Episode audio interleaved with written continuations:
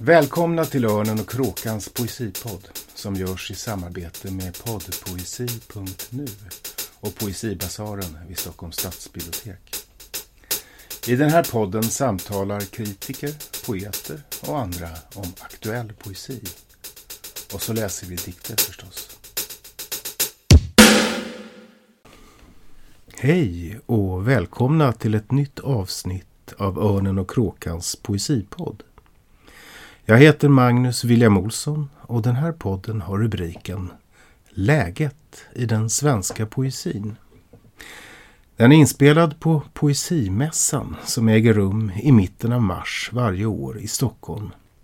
Som en slags förlängning kan man kanske säga av allt poesiförmedlingsarbete som hela året, varje vecka sker i Stadsbibliotekets märkvärdiga poesibasar. Vid mässan har en stor del av alla förlag, tidskrifter och föreningar från hela Sverige som ägnar sig åt poesi utställningsmontrar. Böcker överallt, fullt av folk.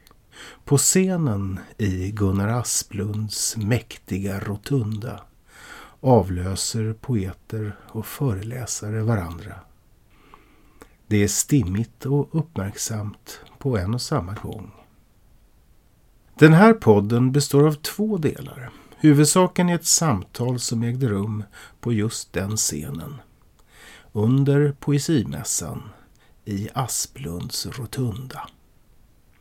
Med utgångspunkt i Örnen och kråkans kalender Poesiåret 2018 och några representativa dikter från poddpoesi.nu samtalar bokhandlaren Anna Gillinger och kritikern Göran Sommardal med mig om läget i den svenska poesin. Men innan det samtalet ska ni få lyssna till en enkät som jag gjorde med några ytterst initierade personer jag mötte på mässan. Jag ställde dem frågan Vad tycker du behövs i svensk poesi just nu?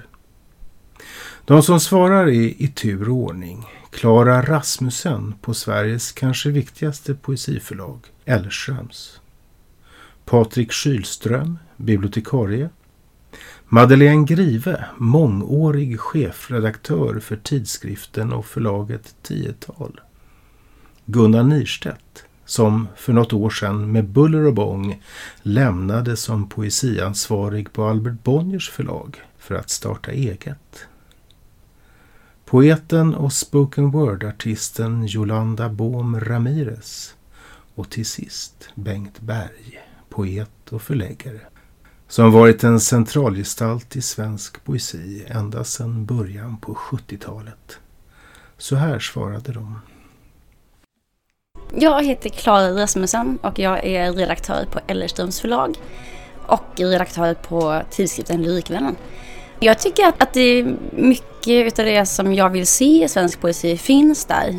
Men eh, jag upplever när vi är ute och säljer diktsamlingar eller är på evenemang eller när vi pratar om Lyrikvännen att, att läsarna saknas. Att det inte finns en sån här självklarhet hos svenska folket att poesin är en del av deras liv.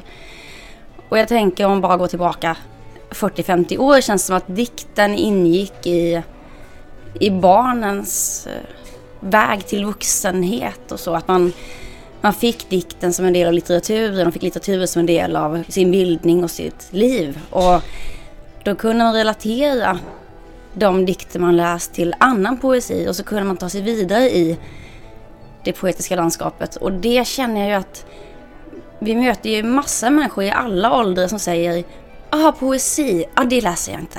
Och så går de vidare. Och då tänker jag att, ah! Det tycker jag är väldigt frustrerande. Men om, får jag fråga då, eh, hur, eh, om jag förstår det rätt så tänker du att eh, om man ska på något sätt göra någonting åt det där, är det, är det skolan då eller är det, hur, ska man, hur ska man få in poesin i livet, i vardagslivet Ja, för alltså igen, svenskarna? precis. Alltså det, det offentliga rummet där alla rör sig. Alltså visst skolan och biblioteken kanske också då. Men alltså media, jag tänker alla tycker jag på ett sätt att ha ett ansvar för att synliggöra poesin. Att inte göra den till en angelägenhet för några få som förstår sig på poesin. Utan jag tänker att den är... Alla förstår poesi om de presenteras för dem på rätt sätt. Så att ja, visst, alltså medel, eh, utrymme, eh, scener. Jag heter Patrik Skylström, jag är bibliotekarie här på Stadsbiblioteket. Jag tycker att det behövs mer transmedialitet, mer känsla att man kan eh, hitta kompisar i eh, grenarna precis utanför där man själv verkar.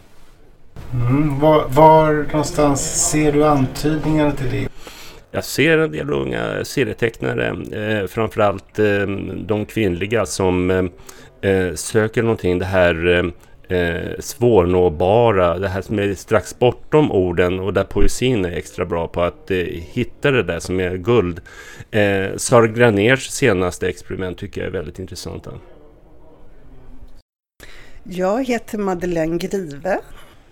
Jag tycker att poesin har det mesta, att det mesta finns i poesin. Det är en det är ett oerhörd mångfald och rik eh, poesi. Men den behöver, mer, den behöver fler läsare. Och ehm, då är frågan hur man får det. Ja, det är väl framför allt att eh, dagstidningarna skulle börja recensera den lyrik som kommer ut. Det tror jag skulle betyda mycket. Jag tänker det, det, det, där svaret. Ni gör ju mycket på, på tiotal. Eh, ni gör poesiworkshops i skolor och ni gör program och ni, ni liksom sprider. Ni har ju en, en, en stor kontaktyta. Varför blir det ändå inte fler än det blir? eh, av läsare. Ja. ja, alltså barnen som, och ungdomarna, de älskar ju poesin och framförallt att skriva. Eh, det, det är ju roligt att skriva och att eh, upptäcka att man kan leka med orden och att eh, jag menar, det, det, är ju ett fantastiskt att man har ett mirakel inom sig själv som, som kommer ut. Um, och det är väl det kanske som poesin är för främst, att, att man upptäcker sig själv. Men det gör man ju också i läsningen. När man läser poesi, vilket då skriver man ju själv poesi under tiden. Massor. Jag menar både det som står där och hur mycket som helst i kanterna och, och runt om. Men vi brukar ju läsa dikter för barnen också. Och, ehm, alltså, poesin måste ju finnas tillgänglig. Böckerna måste ju finnas tillgängliga. Och här finns ju då ett rum på, på biblioteket. Eh, tidigare hade ju tiotalet ett rum på Kulturhuset som hette 90-talsrummet. Det var i och för sig både romaner och poesi. Men jag vet att det var faktiskt många och flera av våra sedan kommande medarbetare som hittade 90-tal och många böcker ur det när de kom till Stockholm för första gången. Man kom utifrån och så på det viset så hittade de samtidslitteratur för att det var samlat och pedagogiskt. Så kanske mer pedagogik också. Jag heter Gunnar Nyrstedt. Och du eh, har ett nytt förlag? Nyrstedt Litteratur heter det förlaget, det stämmer. Vad tycker du behövs i svensk poesi just nu? Ja, glädje, skulle jag säga. Eh, det är ingen mening med att bekymra sig över infrastruktur eller ekonomi det kommer ur eh, en, en grundläggande impuls att skriva poesi och att förmedla poesi. Så glädje säger jag. Mm. Och varför, varför behövs det? Varför finns det inte så glädje? Det tror jag visst det finns. Men det är eh, lite för mycket eh, olyckskorpar som, som kraxar om att det inte går eller att man inte får och så vidare. Eh, jag tror på den ursprungliga impulsen att skriva poesi, prata om poesi, läsa poesi och förmedla poesi. Yolanda Aurora Boom Ramirez, poet och transaktivist och spokenword-artist. Jag tycker den behöver mera mod, framförallt. I alla fall inom publicering behövs det mer mod att våga ge ut eh, nya eh, poeter och framförallt poeter som inte passar in i de gängse normerna kring hur poesin ska vara. Både liksom kring hur den tryckta poesin ska vara men också kring hur en poet ska vara och bete sig och vad den ska för bakgrund och utbildning och så vidare. Liksom. Jag tycker att eh, poesin ja, poesipubliceringsvärlden borde satsa mer på spoken word-artister, alltså på poeter som fokuserar på den talade poesin. Varför tror du att det är så att det saknas? Varför är folk så fega? Förlagen? Jag tror det är för att förlagen överlag är vana vid att eh, poesi ska gå back, typ, eller att poesin inte ska riktigt kunna gå runt. Så därför försöker han satsa på det som är mest pretentiöst eller det som ger mest så här, cred bland eh, i akademiska världen eller så här, genom den fina världen liksom. Men om man verkligen ser poesin för vad poesin kan vara och vågar liksom bege sig utanför sina eh, trygghetszoner så tror jag att den kan hitta jävligt mycket jävligt bra skit. Bengt Berg från Värmland kan man säga.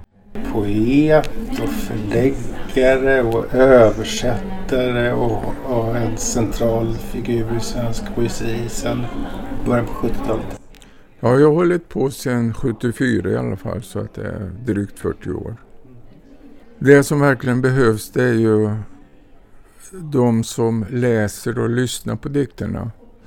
För jag tror att eh, det är poesins förutsättning, så som jag ser på poesi, att det är en sorts kommunikation mellan den ensammaste människan på jorden, nämligen poeten, och eh, det som gör skrivandet och poesin meningsfull. Och då är det de som läser, lyssnar, tar till sig. Jag säger inte konsumerar, men det är klart att eh, det är väldigt bra om diktsamlingar går att sälja också. Då är det ju ett kretslopp som ligger utanför själva poesin.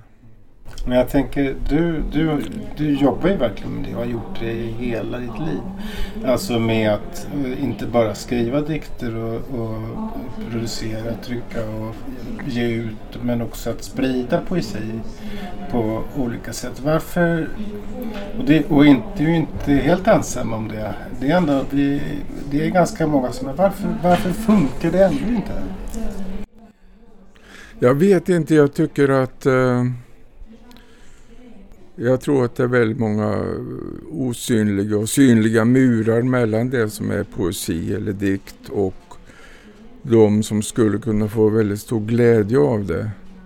Vad det beror på, jag har en känsla också av att, att det inte är så illa som det var kanske för några år sedan nu, att det är ett väldigt stort intresse för, för levande framförd poesi och eh, framförallt är det så många som skriver och då är det nätet och alltihopa det där. Men eh, jag skulle vilja efterlysa lite grann fler i den eh, konventionella lyssnande eh, publiken. Ja, det verkar som om publiken, läsarna, är det som i alla fall poesiförläggarna saknar och önskar sig allra mest fastän ingen av dem riktigt kunde säga varför. Några av dem var inne på att det saknas kontaktytor. Att poesin har blivit exklusiv och sällsynt i det vardagliga livet. I skolan. Men också i handeln och på biblioteken. I det samtal som nu följer är bokhandlaren Anna Gillinger inne på något liknande. Kanske är det ekonomin Både den symboliska som Yolanda Bohm Ramirez tangerade i sitt enkätsvar och den monetära, den som handlar om reda pengar, det hela handlar om. Men det går att sprida och även att sälja poesin. Det vet Anna Gillinger att berätta i det samtal som nu följer och som alltså gäller läget i den svenska poesin. Välkomna till Örnen och kråkan. Idag ska vi eh, kolla läget i den svenska poesin så här i början av 2019.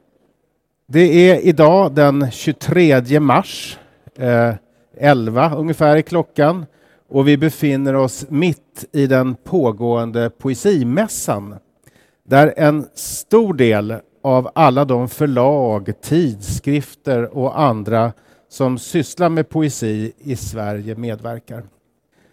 Vi har alltså en, trots den tidiga timmen, stor och initierad publik. Välkomna hit allihopa. Vid min sida här på scenen i rotundan eh, har jag två kännare av den aktuella poesin. Poeten, kritikern, poesiöversättaren, författaren, sinologen, radiorösten med mera, Göran Sommardahl. Välkommen hit igen Göran, du har ju varit här i podden förut. Jag tänkte fråga, har du hunnit, jag tror att du var här igår också när mässan öppnade, har, har du liksom hunnit gå runt och få ett intryck av årets poesimässa? Ja, lite grann. Det som är mest imponerande är ju liksom man ser hela näringskedjan här. Alltså att, att, att, att de väldigt många förlag, allt från de mindre som Alastor, Picard eller Leid eller Ellerström och, och tillsammans då med Bonniers och Norstedts. Alla har ungefär lika mycket plats och alla är också lika viktiga i den här poetiska näringskedjan för att det ska finnas poesi. Det finns ju så det, det, tycker jag är det mest imponerande och det som är mest slående. Jag har ju själv suttit i Författarfonden ganska länge och där får man ju in eh, ansökningar från poeter som befinner sig på väldigt många olika ställen, på väldigt många olika förlag. Och att, att det, eh, sällan så betonar man det här att det finns, att det krävs ju eh, poeter på många olika nivåer, olika svårighetsgrader som skriver olika typer av poesi för att hela poesin också ska finnas. Man kan inte välja ut liksom bara sina favoriter och godbitar och tro att det räcker för att om de fanns och inga andra så skulle de inte heller finnas,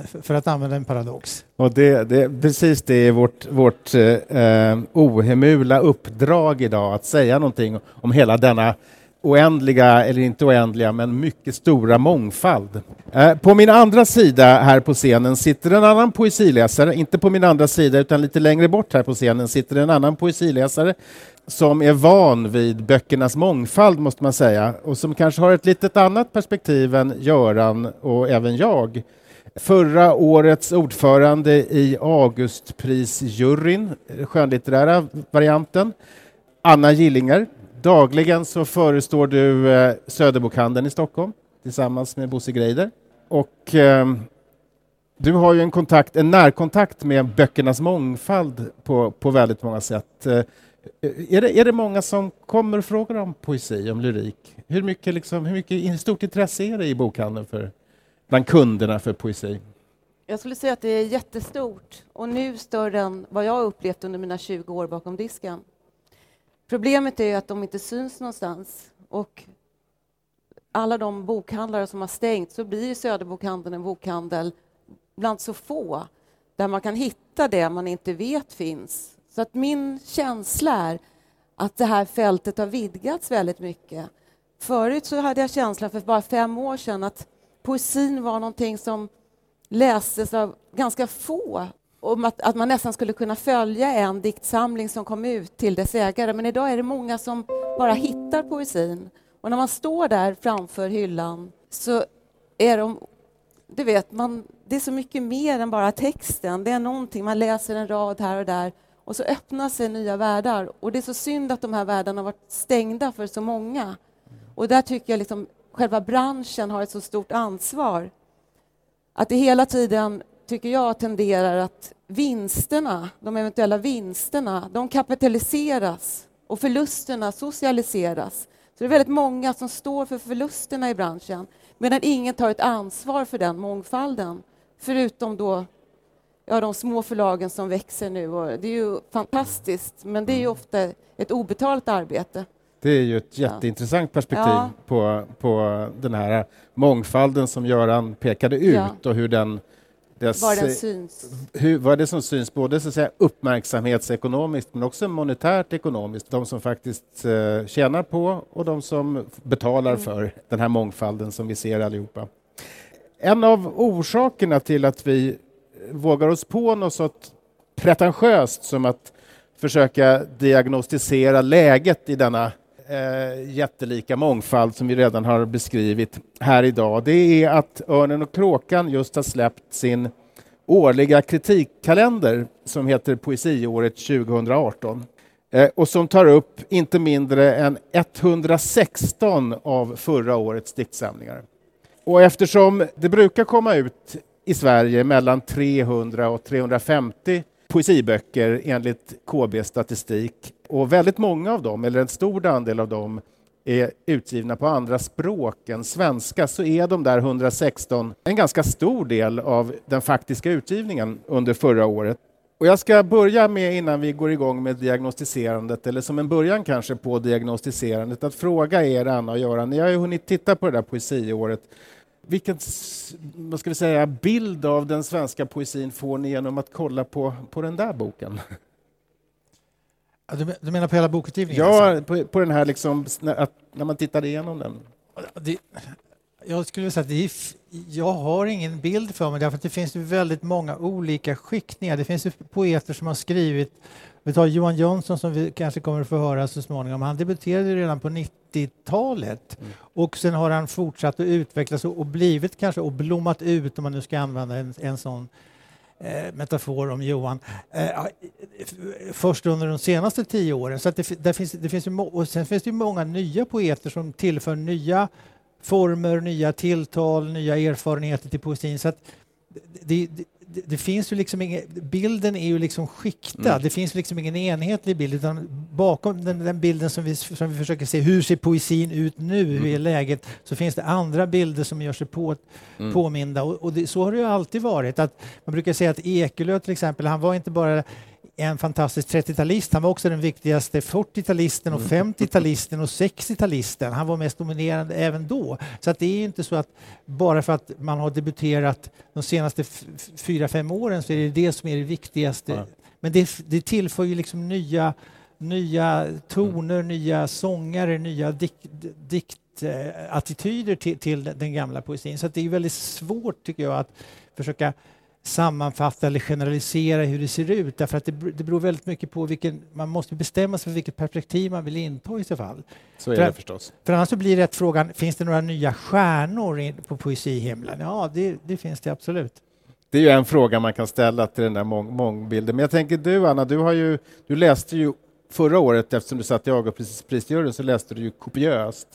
Och, då, och det gav ju någon slags känsla, eller inte en enhetlig bild, men att, kanske en prismatisk eh, föreställning. Men, men eh, när du kollade på det där poesiåret, har den, har liksom, är, är det något annat som träder fram där när du kollar på det, liksom bara poesi? Vad jag känner då, både som ja, det här årets läsning och även då som bakom disken, det är ju att det håller på att hända någonting inom poesin som speglar vår oro i vår tid. Det finns ju naturlyriken som alltid har funnits. Då är det vad vi ser, men nu är det vad vi såg, det vi gick miste om. Det finns en oro och ångest. Sen är det flykten, och den kan ju vara geografisk. Eh, människor som beskriver en rejäl flykt, ett krig, men också det, den flykten eller den exiltillvaro som många känner sig att de befinner sig i, även fast man aldrig har rubbats Mm. så många mil i sitt Mm. liv, Mm. eh, rent geografiskt. Mm. Så där kunde man ju se eh, ja, hela antropocen, hela känslan av att det är för sent. Och Mm. Därför har jag också märkt att med poesin, så de som läser poesin idag läser väldigt mycket facklitteratur också, och kanske inte så mycket romaner, utan det, man hittar det man söker, det man vet och kan genom facklitteraturen hittar man i en känsla av när man läser. Och det öppnas ju... Ja. Intressant. Det var en intressant ja, iakttagelse, Det är en, bara en, Ja. en Det är bara du som kan göra det, ja, kanske några bibliotekarier här Ja. också, på en sån, en sån iakttagelse. Ja, eh, eh, vi har gjort, jag har bett eh, Göran och Anna om två saker inför den här podden. Eh, Eh, jag har bett er att först att välja några dikter från poddpoesi.nu, alltså den här sajten där man kan lyssna på poesi, eh, som vi skulle kunna prata kring och som vi kan spåna kring här under, under samtalet. Och så har jag bett er om varsin liten eget ska vi säga, perspektiv, eller inledande reflektion över, över läget i den svenska poesin, som förstås blir subjektivt och, och skiktat på no någon mening. Vem, vem, vem av vill vi börja? Jag, jag förstår inte frågan. Alltså, Ja, om- vi har valt menar du? Eller? Nej, jag tänkte om, du, om, om en tanke över en, liksom, över, en övergripande ta- eller ingång till den här diskussionen. ja. Det har du ju på ett sätt redan gett. Men, Ja, precis. Nej, men då kan jag väl säga så här då, att, eh, ehm, att men jag tänker på Johan Jönsson nu som jag valde och jag har följt honom då. Han är väldigt produktiv, en av våra mest produktiva poeter här tror jag. Som så många människor borde läsa för att man drunknar i det. Det är ju ganska avancerad litteratur men samtidigt finns det ett tema i den som också hjälper dig i ingången till poesin och dina känslor och kanske ditt hat som många borde känna mycket starkare än vad man kanske släpper fram. Mm. Jag tänker, Göran, den, det, den temat, de tematiker som, som Anna tog upp som typiska, som Johan Jönsson kanske i någon mening eh, överensstämmer med, till exempel exilens tematik eller orons tematik. Vad, vad känner du om den? den där, Och det finns ju mycket, det finns ju många människor som har erfarenhet Eh, av eh, exil och krig och flykt som, som idag skriver poesi i allt, i allt högre grad. Så det är ju liksom ett viktigt tema. Och det, ett annat tema som är väldigt viktigt det är ju den här ekolo, den ekologiska poesin som inte bara då handlar om eh, klimatkatastrofen och eh, jordens eventuella undergång utan som också går tillbaka till en- med en slags inlevelse med varelserna som inte är människor. Alltså den, den, som till exempel eh, Agnes Gerner är ett, ett, ett bra exempel på. Det finns ju många andra. Eh, Marie Küchens eh, Rosariet eller Mm. eh, Det Marina och det finns många dikter och det finns ju sådana som Johannes Heldén och så som skriver om om, om det som sker efter katastrofen. Det är ju ett tema som är nytt och på sätt och vis är ju det är intressant i perspektiv med den svenska na- naturlyriken som ju har varit en stor genre i den svenska 1900-talspoesin. Mm. Och att nu så, är, så, kan man, så, så, så har den blivit någonting annat. Mm. Och den kanske var på väg att bli det redan med sådana poeter som Bengt Emil Jonsson, att man började titta på vad, vad är naturlyriken, inte, bara som en slags beskrivning av det, den vackra, Guds vackra natur, utan även någonting annat vårt, som i, i sig själv speglar vårt förhållande till kanske både till oss själva och till naturen. Mm. Och den, Mm. den, där kan man ju, är det spännande att se hur, hur den verkligen har utvecklats och blivit någonting annat än, Ja. än vad det var tidigare. Så det tycker jag är, det, det är ett otroligt intressant stråk i, vi- i den svenska poesin. Det är det verkligen. Ska vi lyssna på Agnes Gerner? Eh,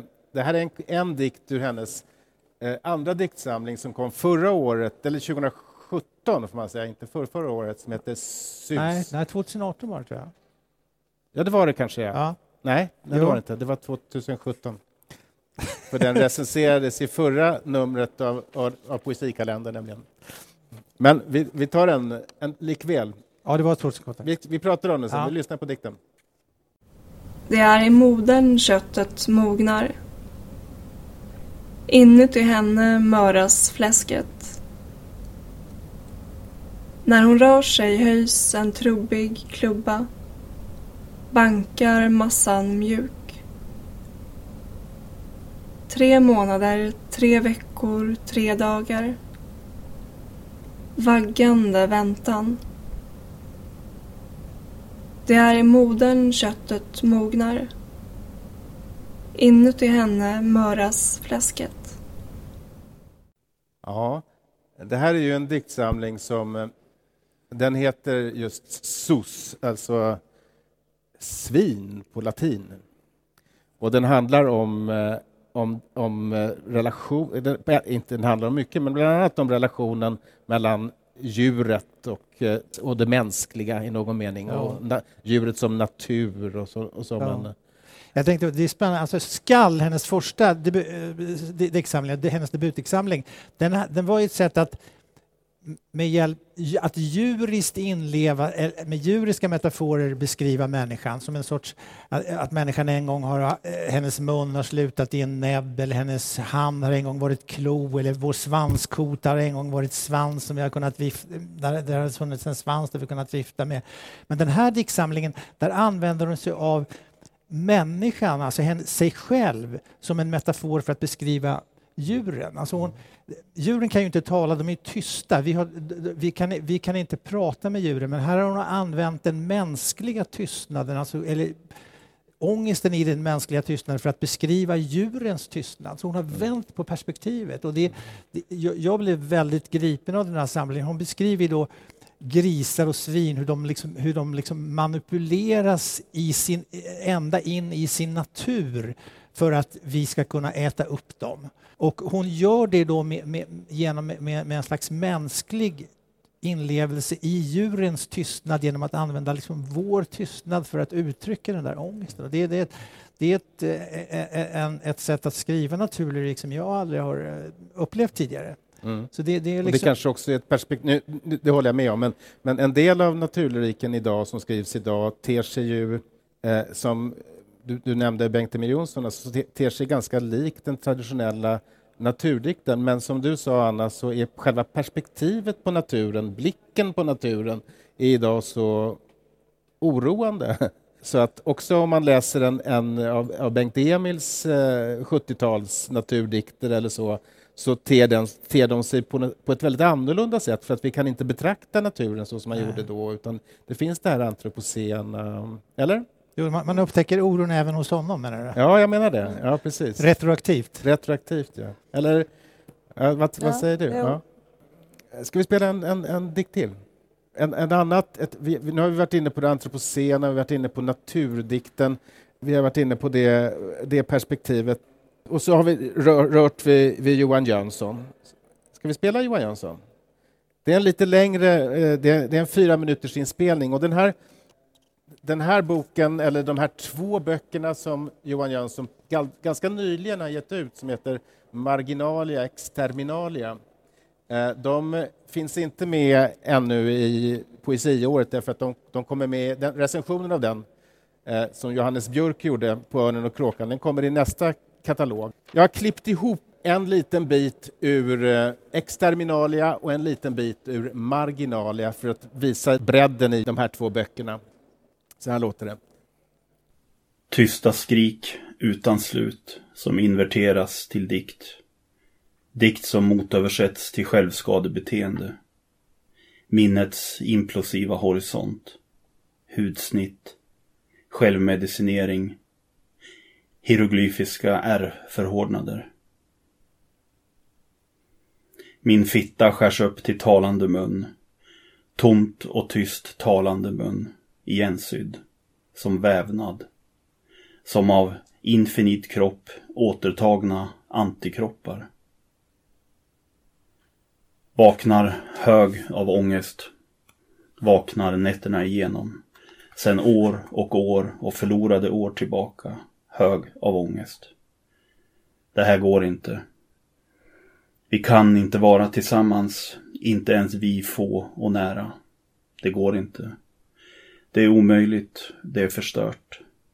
Kärlek räcker inte, inte på långa vägar.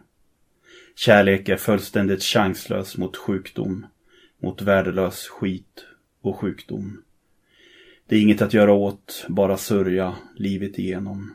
Som en aldrig sinande eller frånvarande dovhet livet ut. En oanvändbar och obotlig sorg som förkortar ens liv. Och kanske är det ingen större förlust. Det är ingen självklarhet, inte heller inför mig själv, att just jag, med det här livet, har rätt att leva eller leva vidare.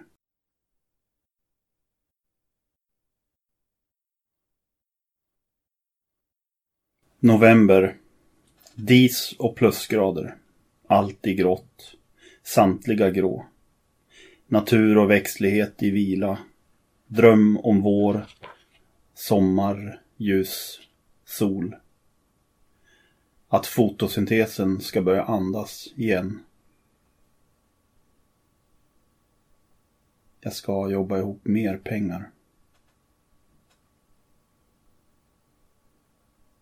Regnet faller, snön faller. Det snöblandade hyperrummet faller, faller. Jag måste jobba ihop mer pengar.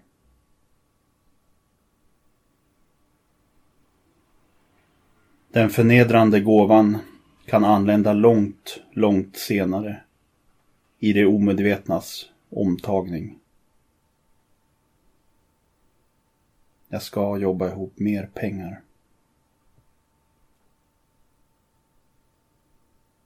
Kärlek är alltid påbjuden och möjlig. Vi älskar varann och det ska ordna sig med pengar.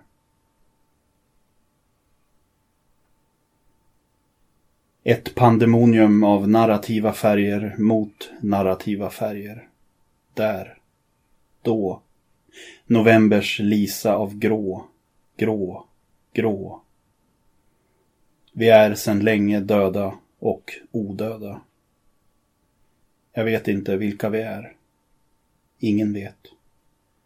Det har ingen betydelse. Jag vill ge dig alla pengar du vill ha.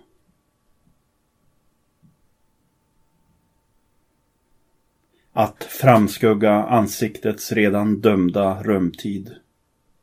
Dess eko av tyst, evigt tickande.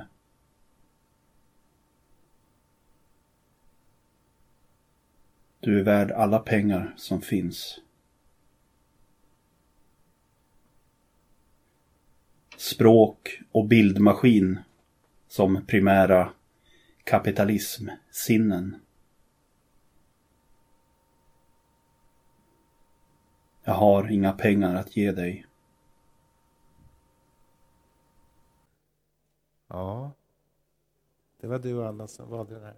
Ja, jag skulle kunna sitta i två dygn och lyssna på det här känner jag. Men eh, jag gjorde en eh, liten kort uträkning för I senaste, eller en, senaste numret av Svensk Bokhandel tror jag det var, så redovisades löner i vår bransch, då, bokbranschen.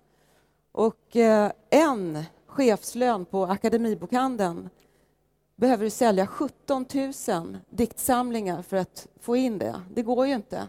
Ju mer Jönsson skriver om det här, jag önskar att så många fler att det, kunde läsa det här för att då skulle vi organisera oss bättre och att eh, ju mer han hatar medelklassen och hela den ja, hegemonin av liberalism och ju mer älskar han honom. Och det blir ju ett dilemma, så det blir nästan komiskt när man sitter i hans tjocka mm. diktsamlingar. Men jag tycker att det är fantastiskt. Man kan väl säga att det är en... Eh, Johan Jönsson, som Göran sa, så debuterade han i början på 90-talet och han slog väl igenom där med Efter arbetsschema eh, 2008 vill jag minnas att den kom, som var en, en stor bok eh, och som på ett sätt eh, manifesterade många poeter som, som, arbet, som sysslade med det politiska på ett, på ett eh, vad ska vi säga, materialistiskt vis, som han gjorde. Eh, man kan ju tycka att den där, många nya poeter, unga poeter i alla fall, skriver nästan emot den där. Vi har haft en, vi har haft en tendens, tycker jag, i poesin som har varit mycket mer eh, lättsinnig och som har hämtat inspiration från New York-skolan och, och sådär. Eh, jag tänker på Anna Axfors eller Elis Byrå eller sånt där. Eh, men min, min känsla ändå är att, att Johan Jönsson det är väldigt starkt när han... Det, det, det, det gör ett starkt intryck. Ja, erfarenhet. Det intressanta är också att när han debuterade då eh, på början på 90-talet med som samplingsdikter. Det var på Norstedts. Så fick han, han gav ut en eller två dikter på Norstedts. Sen så droppade Norstedts honom och det tror jag beror på att han, det han skrev då, det, det var inte inne. Det var inte sånt man ville ha. Och om metoo-rörelsen skulle omfamna Johan Jönssons debutdiktsamling om man läste om den. Jag bläddrade lite grann i den i morse, jag tog ut den i bokhyllan. Men jag tror att det som han sa då, alltså, och det som han fortfarande skriver i, i konsekvens med sitt författarskap, det var ingenting som man ville höra talas om då, varken kritiker eller förlag eller kanske läsare ens. Alltså att, och då sjönk han ner i det, det som jag talade om, näringskedjan och gav ut på sitt eget förlag som heter förlaget Maskinen och sen via OE Editör så kom han så småningom till, till Bonniers. Så att, det är ett exempel på också, han har inte förändrats någonting Johan, han har skrivit samma poesi rakt igenom. Han har ju utvecklats naturligtvis mm. när det gäller det poetiska uttrycket men själva ämnesområdet och frispråkigheten och råheten och det eftersträvat vulgära. Det har alltid funnits sådana, men, men då i början på 90-talet ville man liksom inte ha det. Mm. Så där har, är det världen som har förändrats, inte, inte Johan Jönsson. Precis och nu kommer ju de ut igen. På Nistedts förlag så ger de ut de här som man gav ut själv. Så att ja. världen har, ja, det har kommit ifatt så att jo, säga. Precis. Ja. ja. Men det är som om, om ni eh, båda liksom talar lite för, ni pratade om naturdikten och nu om Johan Jönsson, att att det är eh, att poesin består men världen förändras i någon mening. Va, va, eh, det är klart att Johan Jönssons dikter eh, kommenterar ju direkt eh, samhällsförändringar eller världens förändring på olika sätt. Eh. Eh, den där, hur, hur, tänker ni över det? Liksom säga, det epokala, det, hur skriver poesin vår tid idag? Har ni några några, du var inne på, eh, Anna, på exilen och den där. Eh, det har ju kommit en del sådana diktsamlingar som, som, som handlar om det. Uh, hur, hur, hur, tycker ni? Hur, hur, hur, får man vår tid genom den svenska poesin idag? Och det finns ju väl rapporter från väldigt många fronter kan man säga. Och det, det, det, ett, ett drag som man skulle kanske peka ut att draget av verklighetsflykt. Jag, tycker att det finns alltid ett drag av verklighetsflykt i poesin. Att man måste fly, alltså i varje fall inte kanske fly men flykta uppåt från verkligheten för att kunna betrakta, gå ner och betrakta den igen. Ja. Men, men det här andra draget att poesin beskrev verkligheter som, som, man, som man ville komma till men som man, och, och för att slippa ifrån dem som man inte ville höra talas om. Det, det är inte no, idag så finns knappast den typen av poesi utan alla är på något sätt tvingas att skåda ner i någon sorts verklighet, antingen djupt personlig eller också allmän när det gäller eh, hur, hur vår värld ser ut eller vart världen är på väg eller eller, eh, eller de övergrepp eller de katastrofer eller de eh, krig och eh, missdåd som äger rum. Så, så det är, är liksom det som eh, poeten idag på något sätt tvingas betrakta eller, eller känner sig tvingad att betrakta medan det här andra som du nämnde i hastigheten där, det, det här liksom flyktiga, lite lättfärdiga eh, som finns i, i, i, det, det, det, det, finns också, men det är mera, har mer blivit någon slags subversiv typ av poesi, lite hädisk, kättersk poesi, blasfemisk. Ja. Medan det tidigare var det som var, eh, ja, det, det är okej, okay, comme faut. Mm. Ett av mina intryck av, av den, det senaste årets poesi, när jag nu har läst i stort sett allt som har kommit ut, det är att det finns ett väldigt sug efter verkligheten. Och det, det, är paradoxalt eftersom man kan säga att vår, den offentligheten idag, framförallt genom sociala medier och annat, översvämmas av vardaglig verklighet. Alla liksom citerar sin verklighet och, och ändå längtar poeterna så oerhört starkt efter att formulera det reala, den riktiga verkligheten. Just därför att, att, att sociala medier så att säga, ställer fram det vanliga som särskilt. Så Eh, söker sig poeterna i kraft av poesins anspråk på uppmärksamhetsanspråk kanske, de söker formulera den egentliga vardagen eller verkligheten på ett sätt. Eh, och det där är, det, det tycker jag är en, en iakttagelse som gäller, gäller väldigt mycket, mycket, mycket poesi idag. Ska vi hinna lyssna på någonting till? Ska vi lyssna på Erik Bergqvist? Ja, absolut. Det här är, ja vi kan prata om det sen. Kärlek är en pekbok.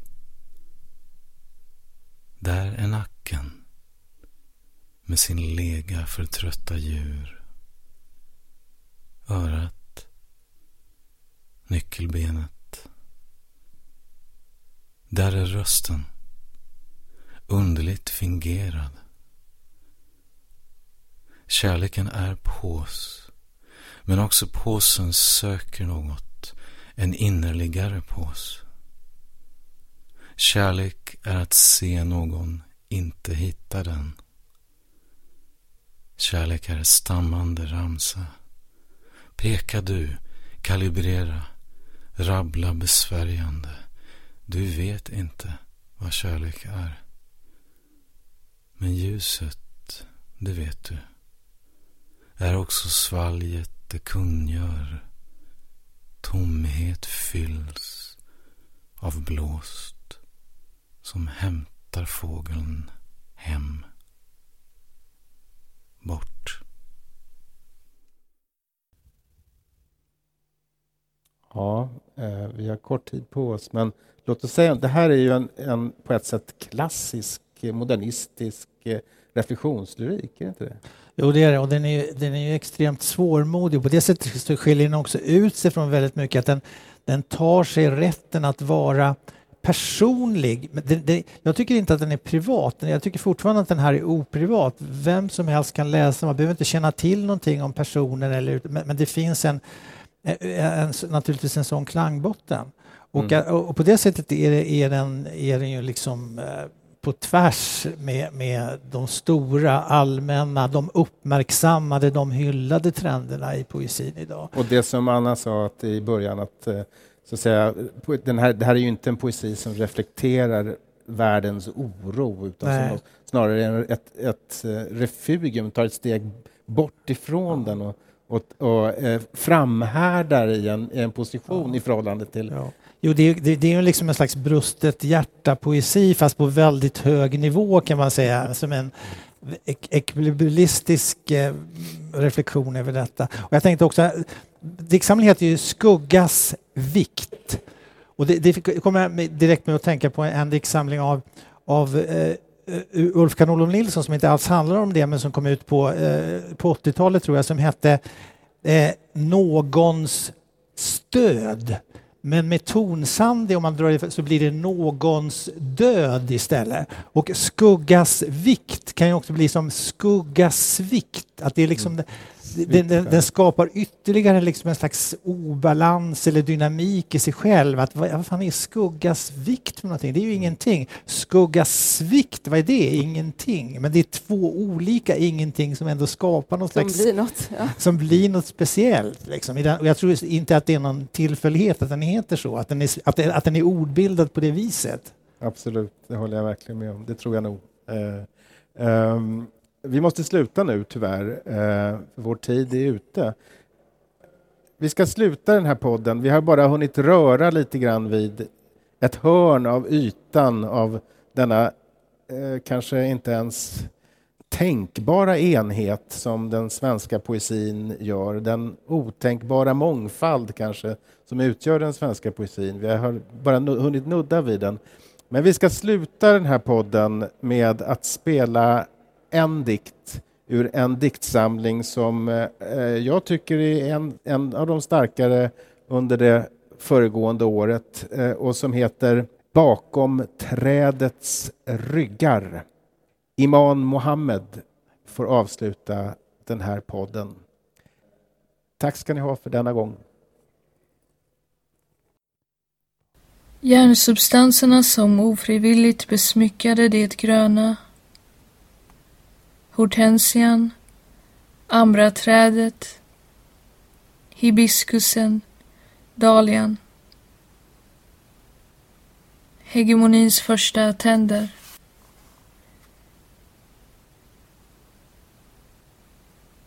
Kroppen sys in i stålet som delades ut vid vattnet på gränsen mot gräset i stövlarna så blå fötter. De vackra barnen i sina yllekoftor. Måsarna intill den till synes öde bassängen. Ödsligheten i det populärkulturella regnet.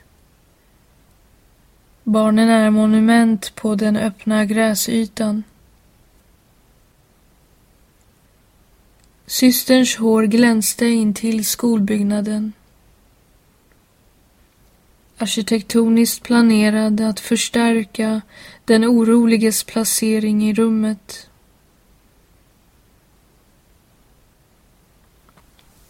Några skolkamrater omringade det rosa köttet, raderna inuti munnen. Blodet rann som darrande Rorschach. Dagdrömmarna omvandlar sig i natten under kuddarna. Byggnaderna formar sig utifrån somligas blickar. Byggnaderna vinglar i regnet. Sukat, ingefära, asur, cyan.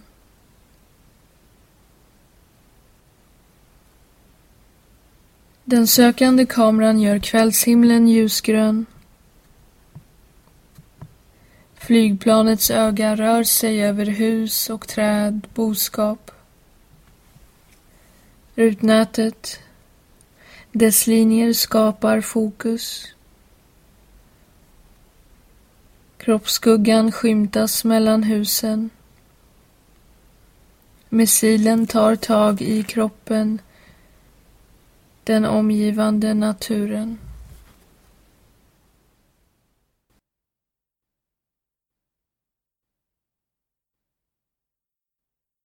Du har lyssnat till Örnen och kråkans poesipodd. Läs mycket mer om aktuell poesi på ornenochkrakan.se